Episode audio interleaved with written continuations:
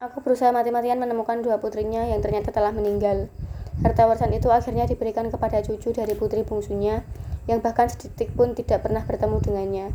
Cucunya yang pengangguran, bejat, pernah masuk penjara dua kali karena memerkosa remaja. Sebenarnya sama sekali tidak layak menerima harta warisan itu. Kasus kedua, seorang penyanyi besar di Amerika meninggal karena overdosis. Kita semua menyaksikan beritanya di televisi, koran. Aku menemunya beberapa kali. Bahkan saat hari-hari terakhirnya di rumah sakit, dia mewariskan properti senilai 160 juta dolar, termasuk royalti atas lagu-lagunya yang terus mengalir 50 tahun ke depan. Tetapi apa yang sebenarnya dia bawa mati? Sambil memegang tanganku, dia berbisik lemah.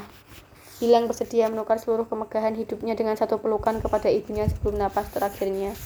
40 tahun, hanya ibunya yang sungguh menyayanginya. Hanya ibunya yang mengerti betapa dia hidup dalam gemerlap kepalsuan dan topeng. Saat ibunya wafat 10 tahun lalu, hidupnya kesepian. Ratusan ribu penggemar meneriakkan namanya di atas panggung, tapi dia tetap kesepian. Harta warisan itu akhirnya diperebutkan oleh enam wanita yang mengaku punya anak dari hubungan gelap dengannya.